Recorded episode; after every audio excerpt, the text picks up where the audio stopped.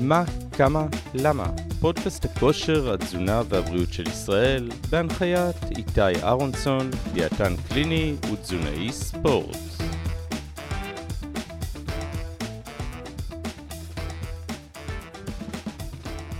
שלום לכולם ותודה שהצטרפתם שוב למה, כמה, למה. אה, פודקאסט הבריאות, הכושר והתזונה של ישראל. כאן איתי אהרונסון, דיאטן קליני, תזונאי ספורט. והיום יש לי כבוד גדול לארח אה, עוד חוקר אדיר בעיניי. אה, הוא אחראי על אה, כמה עבודות שזה מאסטרפיסס בעיניי, אה, שפורסמו ב-ISSN. אני מדבר על אה, אלן ארגון. אז, hello Alan, and thank you for joining me. Itai, it is a pleasure. Thank you so much for inviting me on. I'm very happy to be here. I'm very happy that you are here so as well. so thank you. F- first of all, Alan, talk us, uh, tell us a bit about you. Introduce yourself a bit. Okay, so most of my audience knows me as a researcher in the area of nutrition for improving body composition and um, to a lesser degree, improving athletic performance. And uh, the majority of, of my research, or the, the, the best known research I've done, focuses on protein, protein timing for the goal of uh, typically muscle hypertrophy. And so uh, that that's kind of the space that I'm in currently. But my background is in personal training and then nutritional counseling. So um, I've been in the industry a very, very long time, like goodness, uh, since the early 1990s. And so I was able to help usher in the generation or two of evidence based fitness uh, practitioners and educators. And so that is basically my my place in the industry. So I, I am kind of one of the harbingers of the evidence based movement in the fitness industry. It's great, and, and I think it's so important these days. You know, with all the bullshit all around. Oh yeah, there's a lot of it. oh, too much of it. So I, I, I would like to to speak about, um, I think, a masterpiece uh, work of yours uh, that was published in uh, 2017, if I remember correctly, at the ISSN, uh, JISSN, about uh, um, weight loss and body composition. Um, I think, again, it's a masterpiece and great uh, article that should have been written long ago. So, can you please tell us the work about it because it's such a big area. Uh, uh, how are you going? Uh, uh how you start working on it? You know, it's crazy. you know that. Thank you. First of all, thank you for calling the paper a masterpiece. I, I'm actually I'm really proud of the paper. It took like a year of, of planning and, and and putting together and review and it started in 20, 20 uh, 2016 when uh, when Joey Antonio, the one of the co-founders of of the ISSN, asked me if I would be willing to uh, head the the authorship of of this position paper on diets and body composition, and um and I, I definitely jumped at the chance to do that because for many reasons, you know, I'm just really interested in the topic and I thought that it could I thought that I could do a good job of it and I thought it could make a, a positive impact. And so what the process was Joey had the idea of how the outline would look.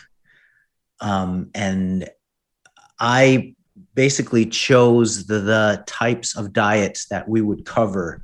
So instead of n- choosing diets that are, are specifically named or branded, I rather I chose diet archetypes like low fat, low carb, uh, keto, intermittent fasting, that sort of thing.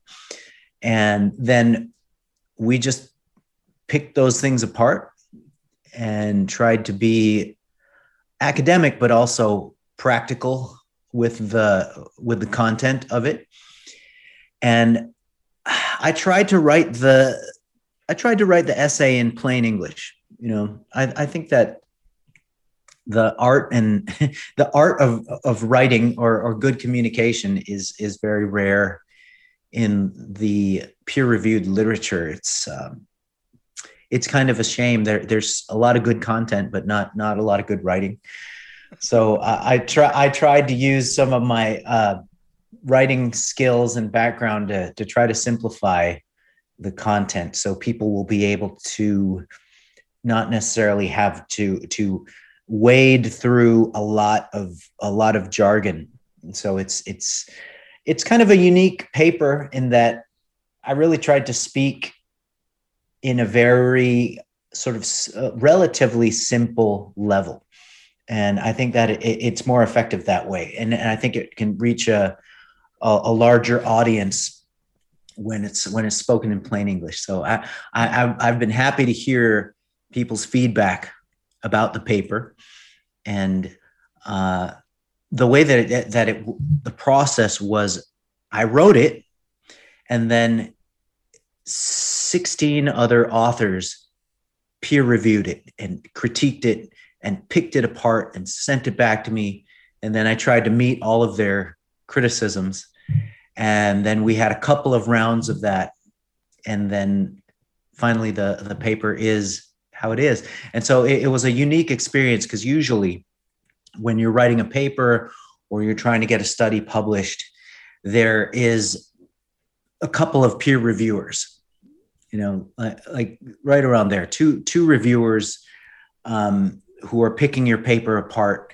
But this time, it was 16 it's peer crazy. reviewers. and so those 16 peer reviewers were very ruthless, uh, as they should be. And uh, I, I, think it made the paper. I what think it, made. I think it made the paper great. So, yeah. I, I agree with you that it's great. So, thank you let's dive into the subject. Let's talk about okay. first of all body composition. What is it? Mm-hmm. Before we start, what, uh, for anybody who listen to us and doesn't know what what do we mean what we mean when we say body composition. Body composition is basically what the body is comprised of uh, in terms of uh, its uh, its basic uh, physical slash chemical makeup. And, so body composition in the, the broader and more practical sense is the proportion of fat mass and the proportion of fat free mass or, or lean mass that an individual carries. So you can also look at body composition as the percent of body fat that you've got or or or you can look at it as the net or absolute amount of lean mass and fat mass that you carry. So that's what body composition is. Like what are you made of and, and what are your proportions in terms of fat mass and lean mass? And usually when we talk about improving body composition, we're referring to most of the time increasing or maintaining lean mass especially if you're in a caloric deficit, while you're losing body fat. And then the other department is trying to maintain fat loss. That's the other difficult, difficult thing to do. So yeah. it's uh, that's the area of, of body composition. Uh, and, and if we are talking about weight loss, so actually we don't care about the weight loss. We care about the fat loss. That's right. That's right. And in fact, a lot of times it's it's uh, unfavorable especially for leaner individuals to be losing weight if it's lean weight. So if they will lose lean weight they will gain fat percentage. That's right. So they will be fatter. Mm-hmm. so correct. and uh, how can we measure measure it? You know now, now we know that it's important. How can we measure it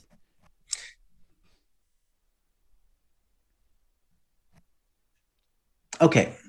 So measuring body composition is a very tricky area because in the beginning um, we have to realize that it's an estimation or uh, as they say in, in in the jargon a prediction i like to call it an estimation because that's what it is it's an educated guess of how much lean mass and how much fat mass you might carry and the various methods available for estimating these things range from the simple all the way to the sophisticated. So, simpler means of, of estimating body composition would be skin fold calipers, for example. Um, and then more sophisticated means would be something like uh, dual X ray absorptiometry or DEXA and then still you can you can go even even more complex where you have multi compartmental models. You know you got the three compartment model four compartment model you even have the five compartment and truly the you know thing, things like the multi compartmental models are are only available in in research settings and lab settings and usually not usually not available to the general public. And just because something is more sophisticated doesn't necessarily mean it's better. Um, there, there's there's issues with with every method. Uh, the important thing is to be able to be consistent uh, with the conditions in which you measure body composition and that's that's really what what counts is just to be consistent each time no matter what the method is uh, and and so so yeah in fact a lot of the times when i talk to people about methods of estimating body composition some of the more simple methods are just as effective or more effective if you're working with clients or working with with individuals. So for example if you were to let's say you have a client who is focusing on fat loss you don't have to try to find a, a, a dexa a DEXA scan, you know, availability, um, you can use things as simple as just measuring total body weight and waist circumference, and you can you can presume a lot. You you can learn a lot about what kind of progress they're making just from very simple, very simple methods. Um, skin fold calipers are, you know, they they they're simple but they're very effective because then you can track the exact sites on the body that you are trying to reduce the, the body fat level of. And so that's a very practical tool. The, so there, there um, was just a paper that was published that said about the um, about the caliper and the skin fold that it's a good method but not with the equations. Uh, it's a good method when you uh, just measure the millimeters of the skin folds. And then. Yes. I, I don't remember the, who wrote it. Yeah, the, the sum of skin folds. Yeah. Some of, uh, yeah, and you can choose various sites. There's three site, four site, seven site. Um, but but it, it's an effective mes- method for tracking what you really care about, which is change uh, because the actual accurate accuracy of, of what you're doing, I mean, you're never really going to get full accuracy unless you dissect the person or put them in the blender or you know uh, other morbid morbid examples that we were we were taught and we joked about in when I was getting certified uh, as a trainer. They unfortunately the the instructors would say, "Oh, the only way you can test body composition is put them in a blender and it grossed everybody out. So I don't know, uh, but it was memorable, right? so, um, but yeah, that that's that's the idea. Is you're always going to be taking a wild guess. So the important thing is, can you track change? Because you're never really going to get full accuracy of what they're actually composed of. Can you consistently track change? Would you recommend us using it? Or just waiting a man and just see his weight and I, I, I would recommend it with, with what uh, with what you are working in your clinic or in your laboratory? With what equipment? Oh yeah, yeah. In, in my practice, in my private practice, for there was a time when I used uh, the bioelectrical impedance, um, but it was not a multi-frequency BIA. It was just a simple single frequency handheld Omron where you just boom like that. And I, I, I used that I for give, a few. I will give it to you because it was uh, many years ago. yes. Thank you. I appreciate the forgiveness on that. But I used that for a number of months and I saw that it was not consistent and it was demotivating for uh, for the clients to see this inconsistent number. So I kicked it out. I just uh, and what I used to do, I used to use that two the two methods. I used to use the BIA and the skinfold calipers, and then I would kind of do them both and weigh them against each other to see what was going on. And I eventually kicked out the BIA because it was not reflective of of what was going on with their body weight, their um, just visually what was going on with the client fat loss wise, and it was not tracking with the skin fold calipers. And so I kicked it out. and, and, and what but, do, what do you think now about the let's say new generation of the BIA, like yeah. the InBody Seca? Those uh, the, the multi-frequency BIA, the the new the new generation of, of BIA has gotten favorable um, favorable reviews and and assessments that are published now in the literature, and so I would have a lot more confidence in stuff like the you know the InBody um, and and the more sophisticated means of BIA. So I'm I'm all I'm on board with that, and I've also heard good feedback from other practitioners who use the newer generation of, of uh, BIA devices. But unfortunately, they're expensive as hell too. you know, you got to donate a kidney to get to get one of those devices. But if you you can afford it, then um, then I give it a thumbs up. I have an InBody. I bought it, I think, three, four years ago. And in oh, 10, so you you you gave up? You traded a kidney from one of no, those? No, no. In ten years, I'm going to finish paying for that. Perfect. yeah. So so let's talk a bit about certain diets. Let's talk about uh, the low energy diets, the very low energy diets. What can you tell us about it? Uh, about that? Um, first what what can you tell us about it? And then how good can it be for body recomposition and for can athletes use it? Okay so pardon me the story about low energy diets. Uh, there's there's low energy diets and very low energy diets. So so very low energy diets um, range that they're usually 400 to 800 calories. And this type of diet is typically used in a clinical setting for people with high levels of obesity. So, morbid obesity, um, class three type of obesity. And that the, the long-term effectiveness of these sort of very low energy diets is as a group in aggregate, really not, not much better than the other bracket, which are low energy diets that span from 800 to 1200 calories. So, very low energy is 400 to 800. And then you have low energy, which is 800 to 1200. And typically, um, the utility of the very low end is, is very limited uh, and in the longer term, the effectiveness is right about even with uh, with both types, which is kind of interesting given the very drastic nature of the four to eight hundred.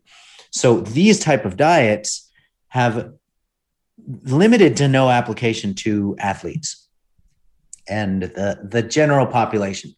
The the the the most valid application of these type of diets is for the initial phase let's say the first roughly i want to say 1 to 3 months of a weight loss program.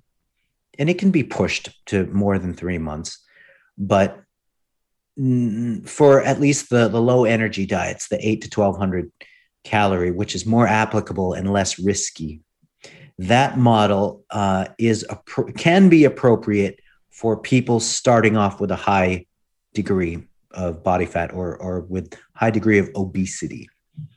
And so beyond that population mm, uh, it's not recommended. Will, will it affect the um, uh, will it affect will it have a bad effect on athletes I would say the, the the simple answer to that is yes, because the essence of performance is taking in the right amount of energy required to perform the the given activity or to produce the given work output. And so if you're not taking in enough calories, then you have shot yourself in the foot before you even started. So that is the essence of it. The athletics uh, performance. The essence of it is having enough energy. And those very low energy diets and low energy diets fundamentally do not provide this. I see. Thank you. Now, what mm-hmm. uh, what will those diets, especially the very low energy diet and the low energy, um, what will it do to my uh, uh metabolic rate? Okay, so the big problem, and and that's that's a good point that that you bring up. So resting metabolic rate is determined in large part by by your lean body mass. So um, skeletal muscle would be the the the largest component of LBM, and then you've got the the visceral organs and and bone, everything else, body water. Um, so if you're losing lean body mass, then you end up burning less calories at rest. And so um, losses of lean body mass can be quite detrimental to resting metabolic rate. And with low energy diets and very low energy diets, the leaner you get, the greater the risk to lean body mass loss.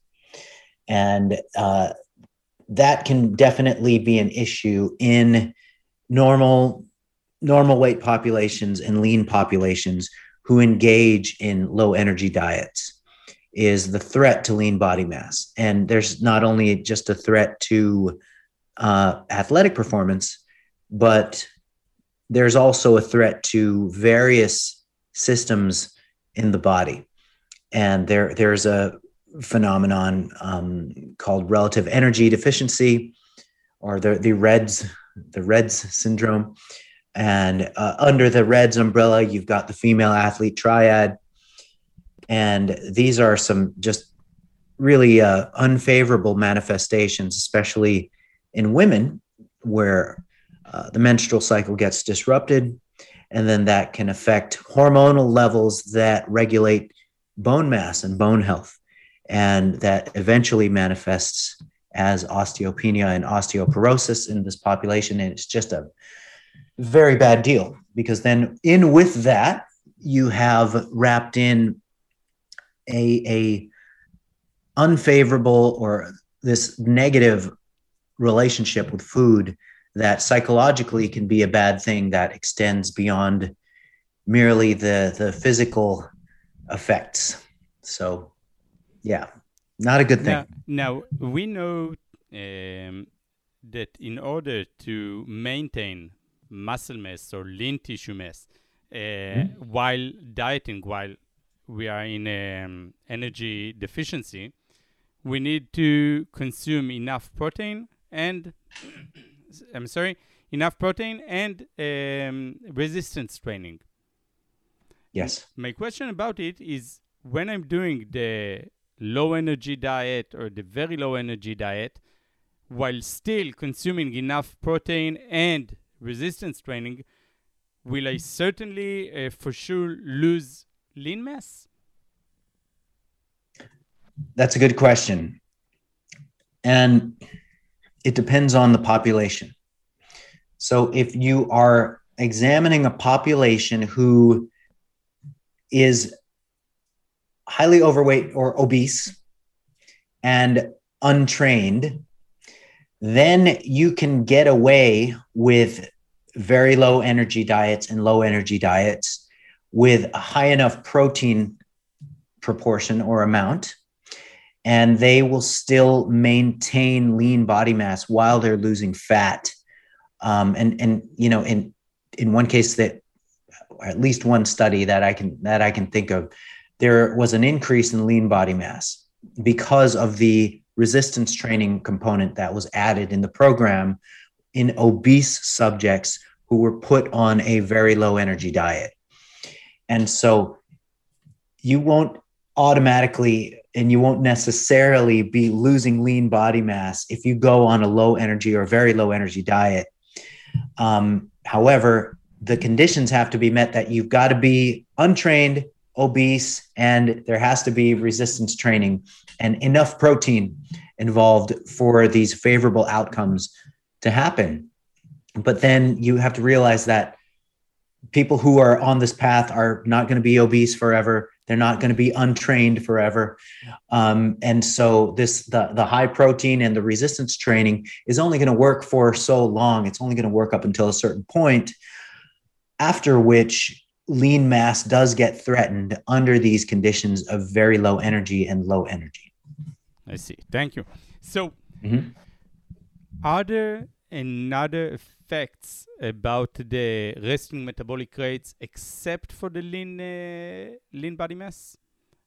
I, I, is there any reduce in the resting metabolic rate uh, uh, for a reason that is not the lean body mass?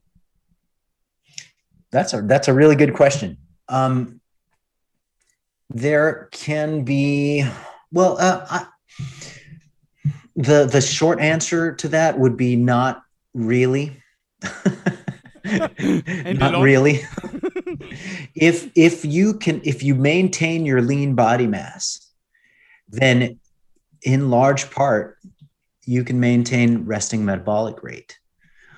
Um, there, you know, there can be possibly medication interactions and and disease states where for example uh, thyroid hormone gets turned down. And um it, but that that's not that that's only in certain certain individuals. That wouldn't be a general phenomenon. So generally speaking if you can maintain lean mass then you can maintain rmr um, now, there is a phenomenon called adaptive thermogenesis, where resting metabolic rate is lower than what lean body mass would predict. And this phenomenon really has, has only happened in populations who have undergone very drastic uh, protocols that are low in protein and absent really of, of resistance training. And there are other factors that that happened in the program that are not reported. A perfect example of this is the Biggest Loser television show that um, crazy that my my buddy Kevin Hall did a, did a study of, and I argue with him uh, on on this point that this is not the best uh, population to represent the phenomenon of sl- me- metabolic slowing. So um, I- am sure maybe you have a comment about that. I hate this program. no, because they lose fat, uh, they lose weight fast, but most yeah. of them gain it faster. So mm. we, we are looking on long term um, uh, we we are talking about lifestyle. The uh, we we need the option for the for our clients, for our patients, to be able to to to to continue with this lifestyle for the rest of their lives. And I think it's a marathon, not a, not a sprint. Yes, that's true. Yep. Yeah, I don't like. I, I, one more thing, you are a physical trainer and I'm as well. One more thing that I don't like in this program, you know, they are coming there very, very fat. And in the first week, you know, they are starting to run. And uh, it's crazy, you know. Uh, how can they art uh, do it, you know, almost 200 kilograms and running? It's crazy, you know. Yeah, yeah. It, it, it's the priority is is entertainment and and views, and so it's dangerous. It happens. It's dangerous. yeah. It happens at, at the extent at the at the risk and the expense of the health of the of the competitors. So yeah, I'm I'm not uh, I'm not in favor of the Biggest Loser program. I don't like it as well. Now let, let's talk about uh, the low fat and the low carbohydrates diet. Let's let's yeah. start with the the uh, you know the low fat. What can you tell us about it?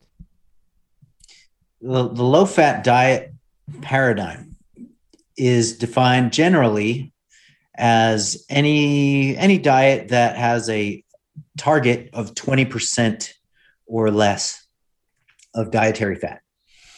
And the the and of course there's a variant of the low fat diet the very low fat diets where where you shoot for 10% or, or less of what dietary do you think fat.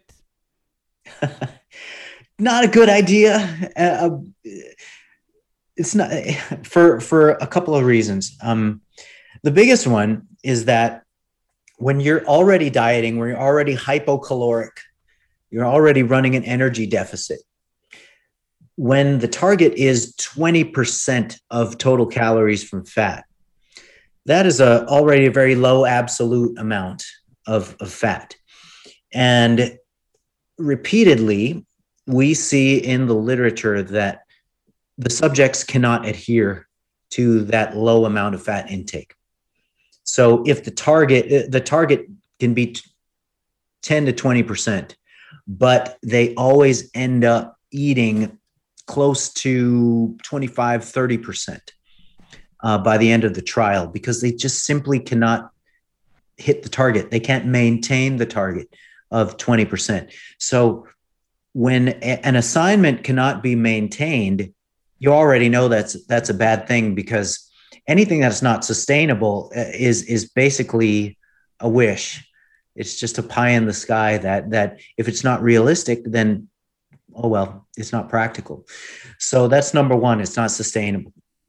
And number two um, there's a pretty consistent phenomenon with low fat diets and very low fat diets. So 20% of, of total calories and below in hypocaloric conditions where the androgen production or the testosterone levels of, of uh, the subjects decrease substantially. And uh, this is a consistent observation.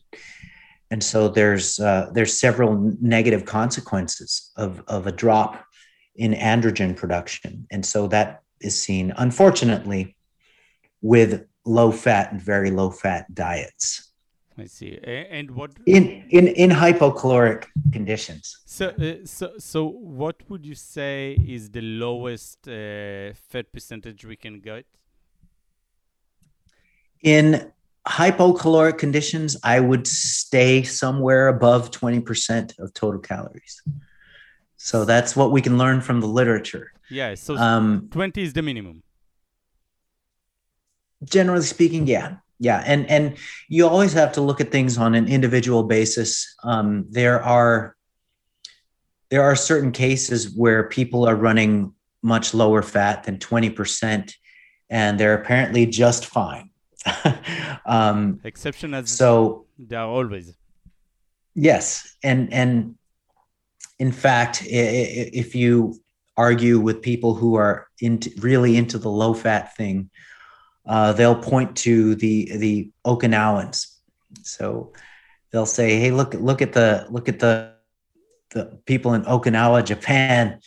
Uh, they're living to two million years old, and they're perfectly healthy, and and they're they're eating ten percent fat in the diet, and okay, that's fine. that's fine.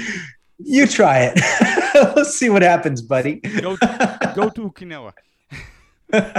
right. There's a lot of other variables that in the Okinawan diet and the lifestyle, and a lot of non-diet factors that are keeping them healthy on such a painfully low amount of uh, dietary fat. So, and you cannot uh, conclude from that because they are not not all of them are in uh, energy deficiency. Correct. That's right. So, and what about uh, low carbohydrates? Yeah, low carbohydrate diets are, you can categorize them in two main categories. So, the first category would be a non ketogenic low carbohydrate diet. And that is uh, generally defined as up to 150 grams of carbs a day. In some, in some, some uh, papers will will cut it off at 130 um, that could still qualify as a non-ketogenic low carbohydrate diet. They usually have a range from 50 to 130 or so, or 50 to 150. It's very subjective.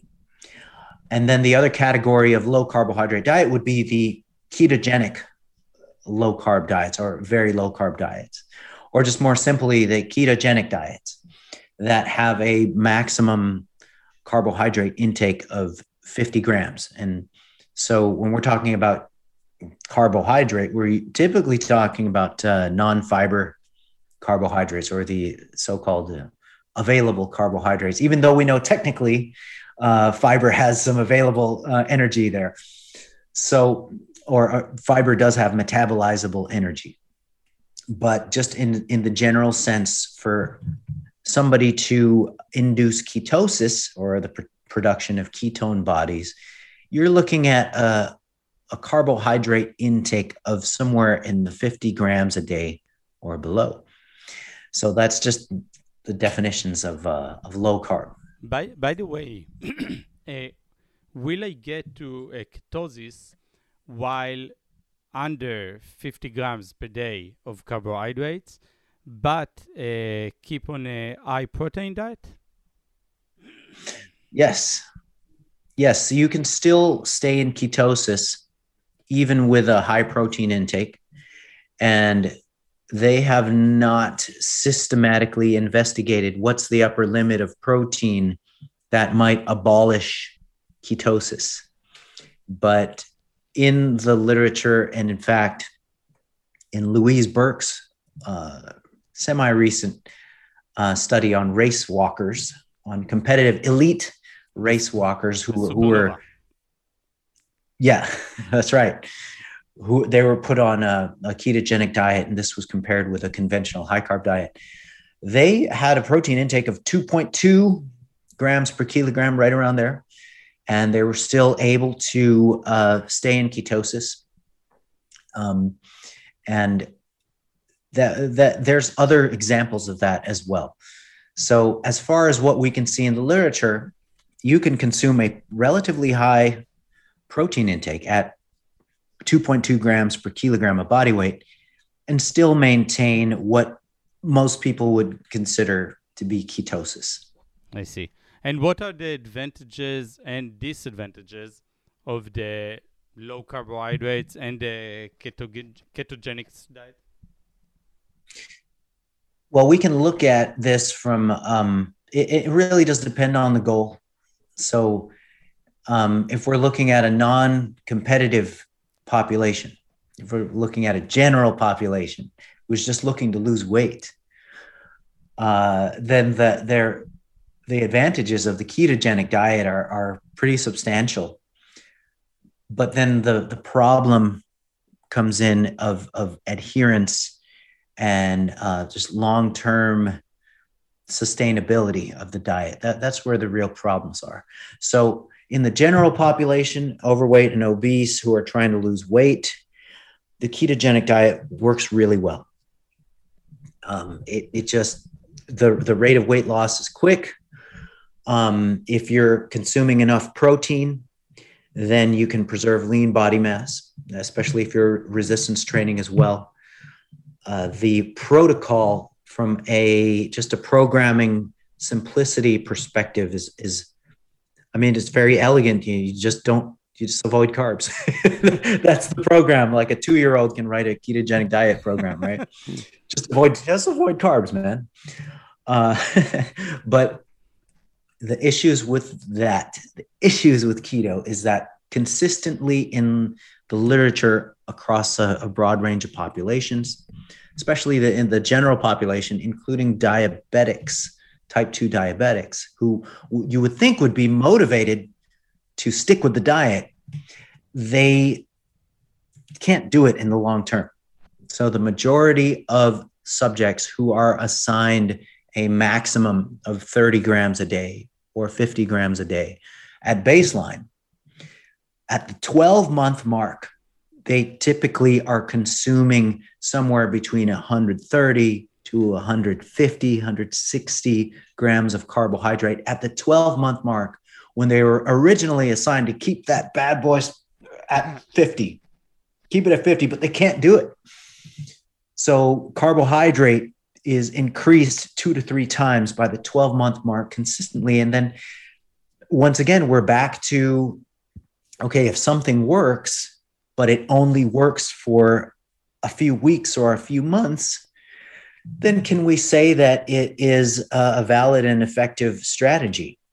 And the answer is well, if you can sustain, if you personally prefer it and can sustain it, then it's it, it's great for you. But as a universal prescription, the majority of subjects who undergo keto say seemingly they cannot sustain it in the long term. So uh, more power to the people who can. And there's there's ra- you know there's a rabbit hole there too because you can construct a healthy ketogenic diet and you can construct a rather unhealthy ketogenic diet. Um, and and so that's that's the general population. Now, the athletes, the competitors, people who want to do well in their given sport, generally uh, ac- across the board keto keto is a bad idea. It's just you can survive it. Uh, you can win perhaps some some uh, recreational games at, at you know against your your against your dad and your uncle maybe. But um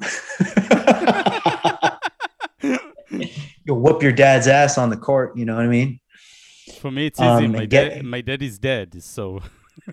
yeah, well, mine too. I can beat him. we can, you know, whoop his spirit on, on the court.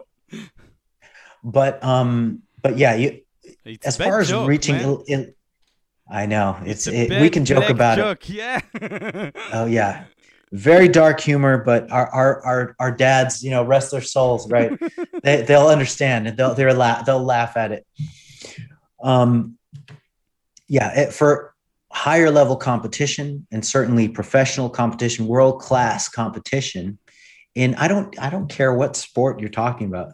If you were to maintain linear keto, and even with the the, the sports that are purported to be uh, benefited by by keto, like ultra endurance stuff, even that you would have to cherry pick a very small percentage of the population for whom keto actually doesn't mess them up.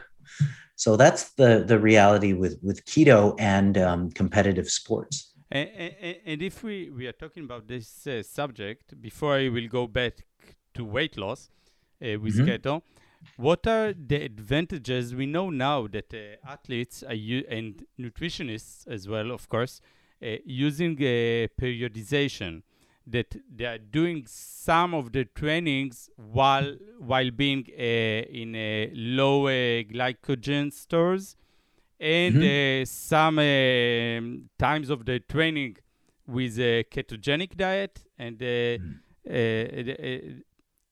the supernova that you just talked about, uh, that was published a few months ago, uh, Louise Burke, Burke showed there that we can go to ketosis in four days. So, what are the advantages of that? Yes, yes. The periodization of carbohydrate intake in in in athletes that can be done um, that can be done with favorable effects but there's also some risk so when you look at the body of, of research where they they have certain phases where the carbohydrate intake is low and they have certain phases where the carbohydrate intake is high um, and it's and you compare that periodized model with a linear high carb thus far you will not find a consistent advantage to the periodized carbohydrate intake compared with the conventional linear high carb coming out of your ears model the okay? only advantage uh, is in molecular level, the cellular level. That's correct. And yeah, that's correct. In the real world, I have nothing from that, as much as I yep. know. That's that's true, and while carbohydrate periodization is, it sounds good on paper and in theory. Thus far, in the head-to-head comparisons and in the majority of, of, of the research, uh, we cannot conclude that it is a superior way to go. Now, just looking a, l- a little bit closer at um, potential advantages of carbohydrate periodization, I think that this can be an advantage to those who are who are uh, trying to regulate their their total body weight and trying to, especially if they're trying to decrease their body fat mass or or you know just body weight in general to in order to improve things like power to weight ratio then you can use a certain reduction of carbohydrate or you can economize your carbohydrate intake in order to control your body fat levels. So the one way you would do this is do what what what what's called fueling for the work required so for lower intensity, for, for low to moderate intensity work, there isn't a, a high demand for carbohydrate availability in those, those kind of training sessions. So what what people can opt to do is have low carbohydrate intakes on that day and or just generally low energy intakes on that day. It's not necessarily a carbohydrate thing, but carbohydrates are a practical variable to manipulate on your low days. So low intensity, low volume, and or low volume. You're just going to take a stroll. You're going to take a jog just and do light work. Well, then you don't necessarily have to load that stuff up with, with carbohydrates um, on those days and for those sessions. Now, for the more demanding sessions that are higher intensity, well, then you can up your carb intake for those days. So I can see the benefit of um, periodizing based on the demands of the particular training session, and that's that's fine and that's that's valid. Um, and and this would be of benefit, especially to those who are economizing their energy intake for the purpose of either decreasing body fat or preventing gains in body fat. Yeah, but it doesn't have any advantage in performance. Not necessarily. Yeah. Not necessarily. Now, I, I, I, want to go back to the two years old that writes the um, how to do the ketogenic diet. Don't eat carbs. Ketogenic diet, if you don't eat carbs, not necessarily you will lose weight. You might as well uh, gain weight. It's overall, and correct me if I'm wrong, it's the game of uh, energy balance I, I mean, that's absolutely I, I right. mean, I, I will only lose weight in keto- ketogenic diet if I will be in negative energy balance. That's right. That's, that's right. So, um, there's nothing inherently advantageous to to being in ketosis per se. To to the ketogenic diet, there's nothing inherently advantageous to fat loss on the ketogenic diet compared to a non ketogenic diet. Now, the reason why ketogenic diets in the general population have an advantage over the control diets um, is a couple of things.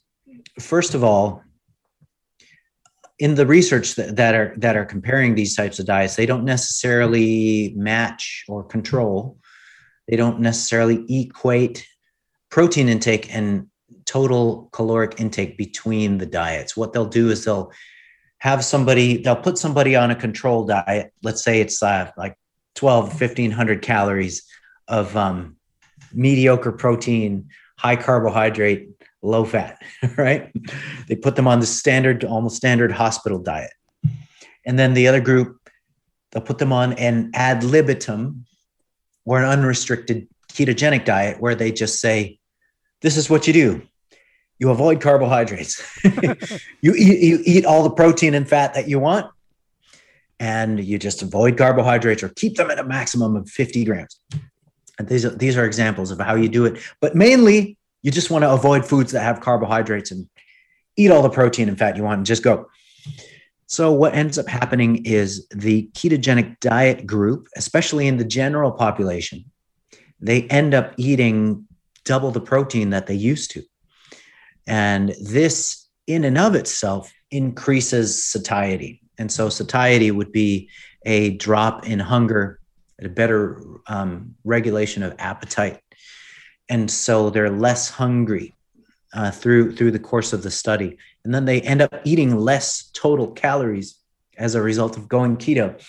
But a lot of times, it's difficult to separate what was really working. Was it the increase in protein that did the magic, or was it the drop in carbohydrate?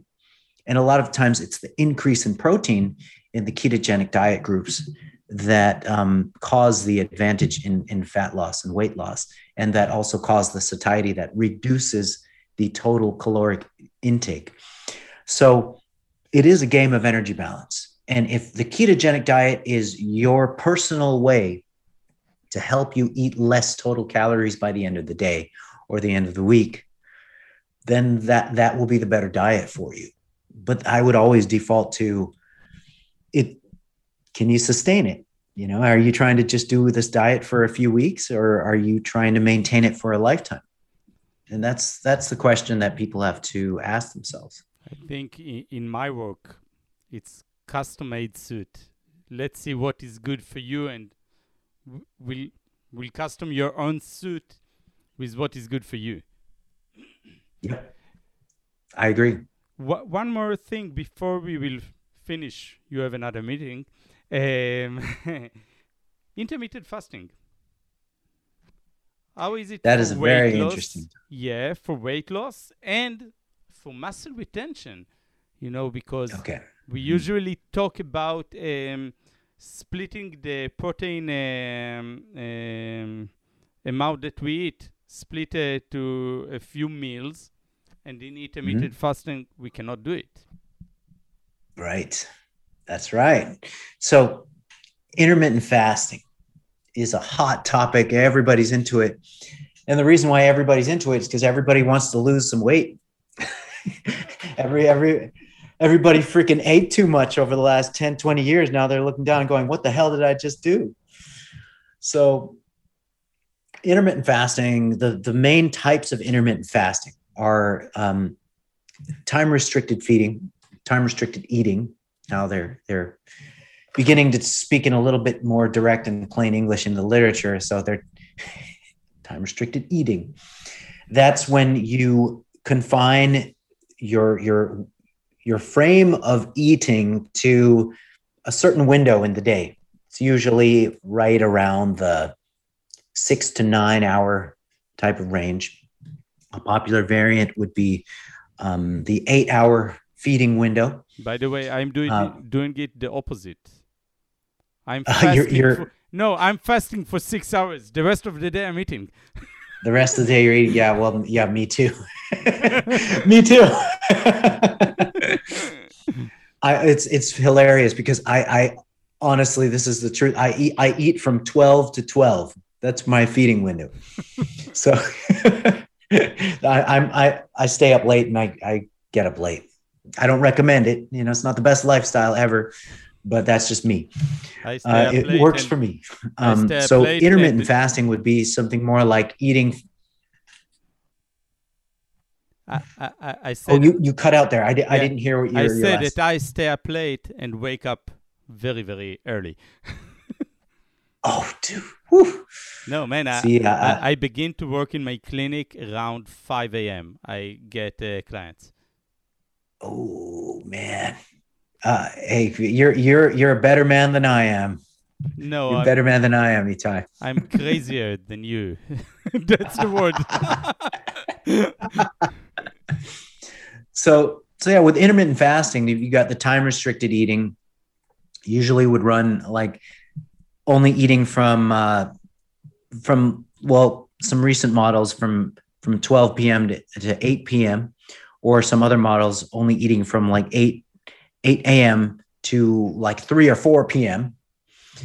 And so that's the early time restricted feeding. And uh, so that's one model of intermittent fasting. The other model of intermittent fasting would be whole day fasting or consecutive day fasting, where um, for example, two days a week, you you fast for the whole day, basically.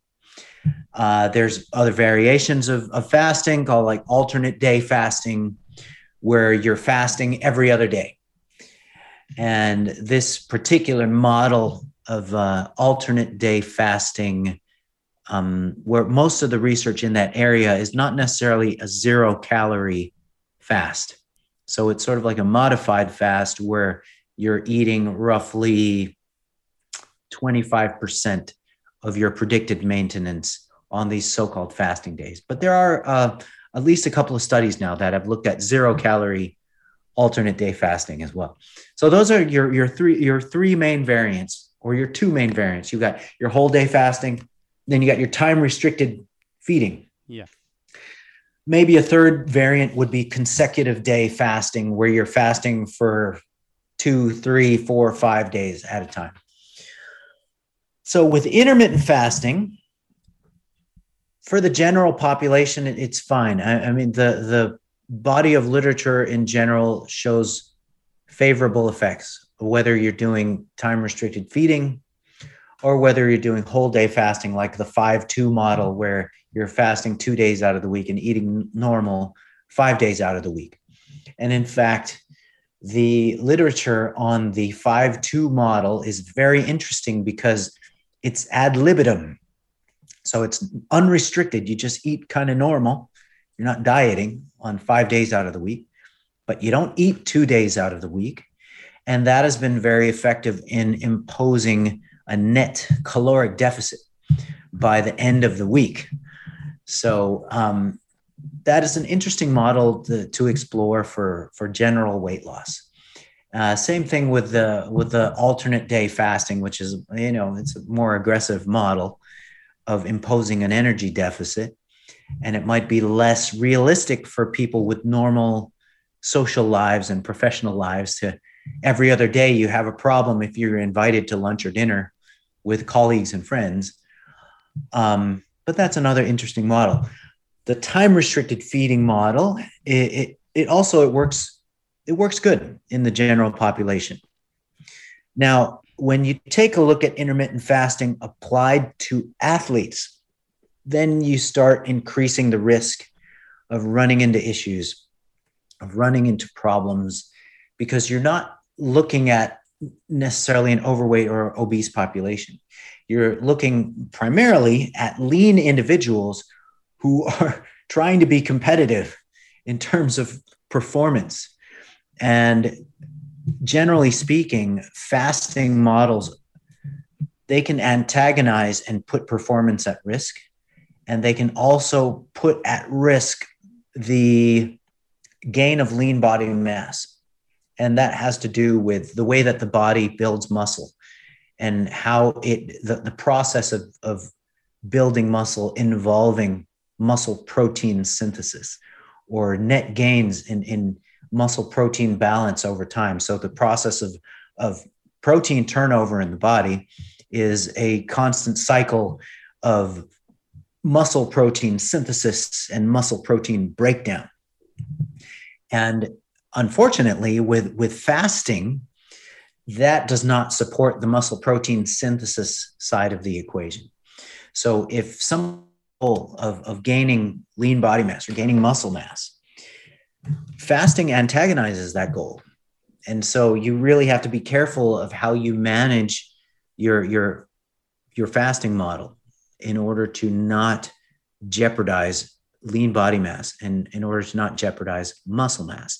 And then you ask the question of how how can fasting or intermittent fasting be reconciled with the muscle gain objective of maximizing anabolic events through the course of the day or or eating meals that maximize muscle protein synthesis through the day usually the the paradigm would be you you want to be able to be anabolic for as much of the day as possible. So if you're awake for 16 hours in the day you would want to maximize muscle protein synthesis during the entirety of when you're awake. Of course you know you can take things to an extreme level and and set your alarm for 3 a.m with a protein shake ready by the bed.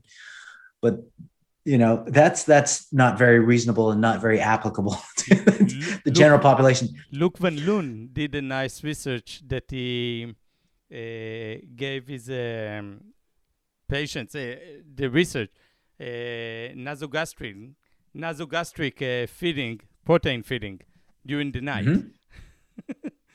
Oh, you gotta love it. Look, right now, Luc is um, he's picking apart a, a paper I'm doing right now on age-related muscle anabolic resistance in mm. in the yeah. So so sarcopenia, frailty, and yeah. we spoke how can week. how can we?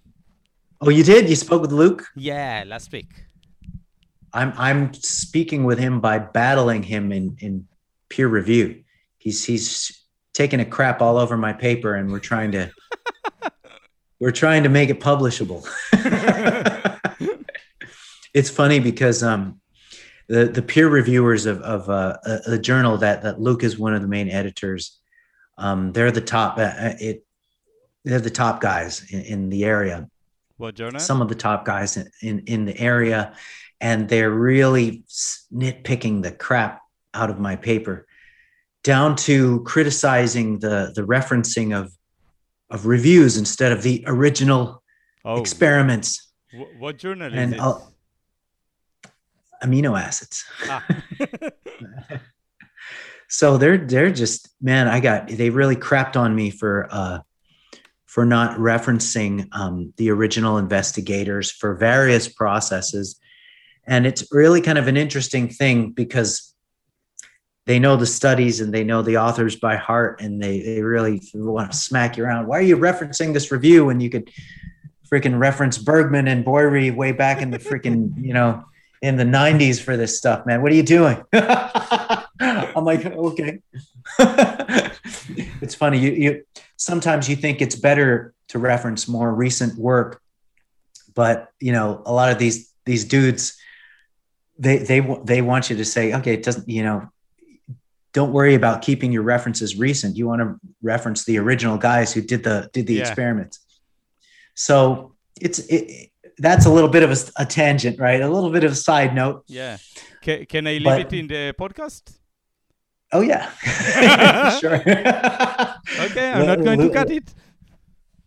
Luc will will get a kick out of that, and and you know, I, honestly, I, I don't know. Um, I don't know whether the, the paper will be accepted or whether whether it'll make it because uh, we we're we're trying to present a paradigm of um, that's a little bit more uh, hypothetical, uh, a little bit more cutting edge. You know, uh, maybe these bros they, they maybe these these guys aren't as bro, grotesque as as me, Brad, and and and Kevin you know, because we lift, man, we lift. Yeah. I'm sure Luc lifts too, man. You know, don't don't get too mad. Hopefully, hopefully the paper will be accepted um, before he he hears this this episode. So. Oh, I, I, I, will just cut this uh, this part and send it to him.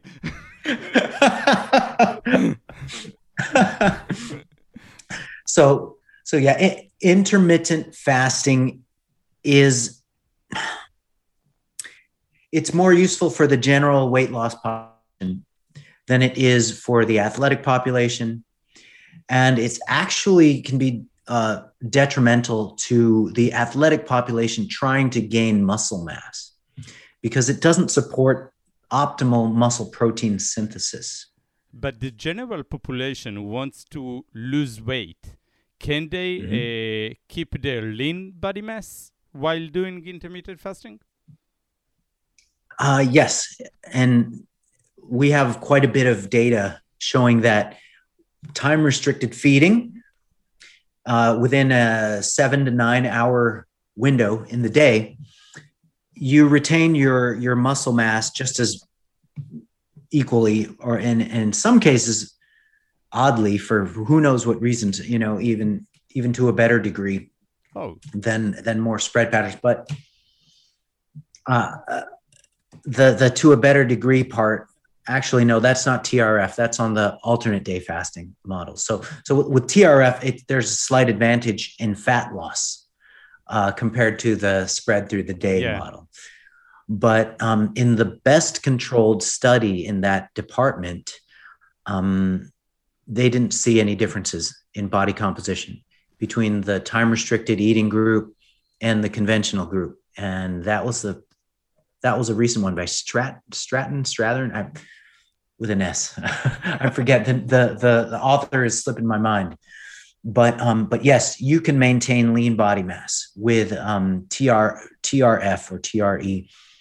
Um, and also, surprisingly, in the general population, there has been a maintenance of lean body mass with other fasting models like the 5-2 model or the alternate day fasting model. They've also shown maintenance of lean body mass, but that's the general population. It's not too hard to maintain an average amount of, of muscle mass. yeah. You know, if if you're talking about higher levels uh, or above average levels of muscle mass in athletic subjects, I would speculate that you're going to compromise your ability to maintain those levels of mass with an intermittent fasting type of model. yeah. So before we finish, let's um, give a conclusion to our audience. How do we lose weight effectively and keeping our lean body mass as high as we can? The nutshell answer to that is make sure that you consume enough protein. And that means somewhere roughly between the 1.6 to 2.2 grams per kilogram of body weight. And in obese populations, you're going to want to base that number on ideal body weight or target body weight and not current body weight because then you're over prescribing. so that would be one one aspect. And the other aspect, if we're talking about weight loss, then your total energy intake should support an appropriate rate of loss per week. And so that rate of loss is somewhere between half a percent to 1% of your total body weight lost per week on average. So some weeks can, at the beginning, it might happen faster. Towards the end, it might happen more slowly. But you generally speaking, you don't want to average more than 1% um, of your body weight lost per week, because then what happens when you average higher than that and you're not obese or, or severely obese, then you end up risking the loss of, of too much lean body mass.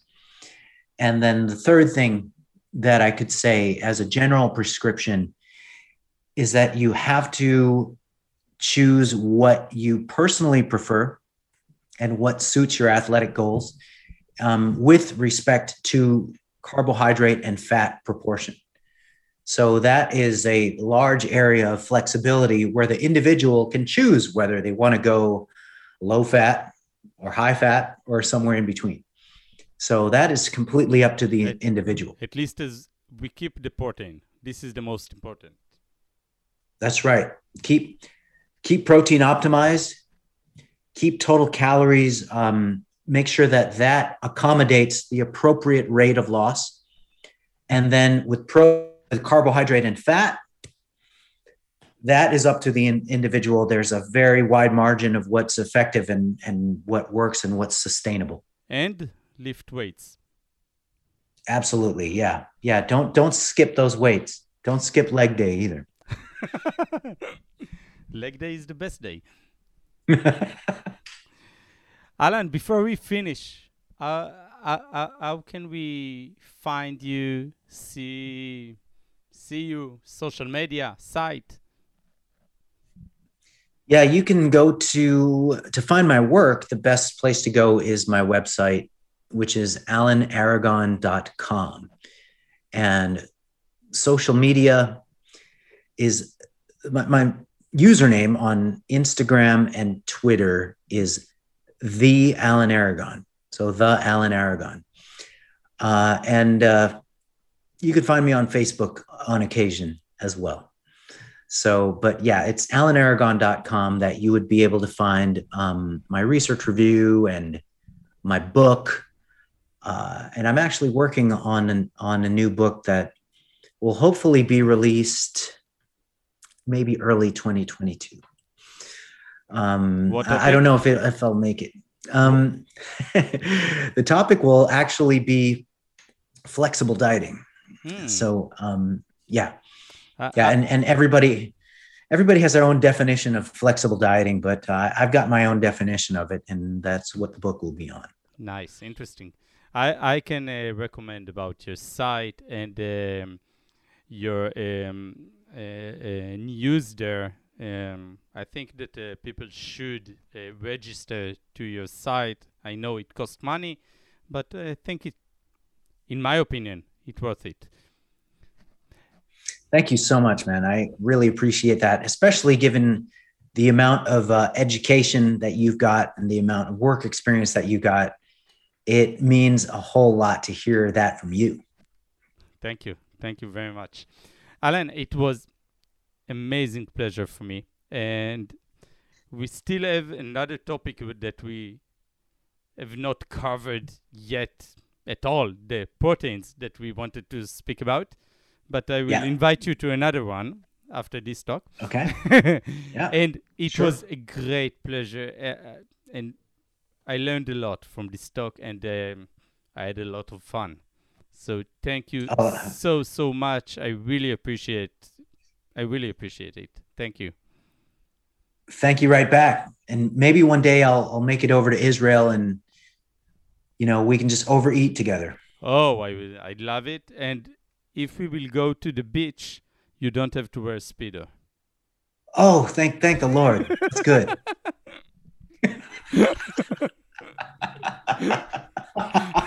Excellent. אז חברים, תודה רבה שהייתם איתנו. אני חושב שהייתה שיחה אה, מדהימה בעיניי, באמת אחת הטובות. המון המון תודה לכם. אה, מוזמנים מאוד מאוד לשתף את השיחה הזאת ולהעיר ולשאול, והכל בשמחה רבה. ובעיקר והחשוב ביותר, תהיו אנשים טובים בתרים וברזלים. ביי ותודה. בסדר.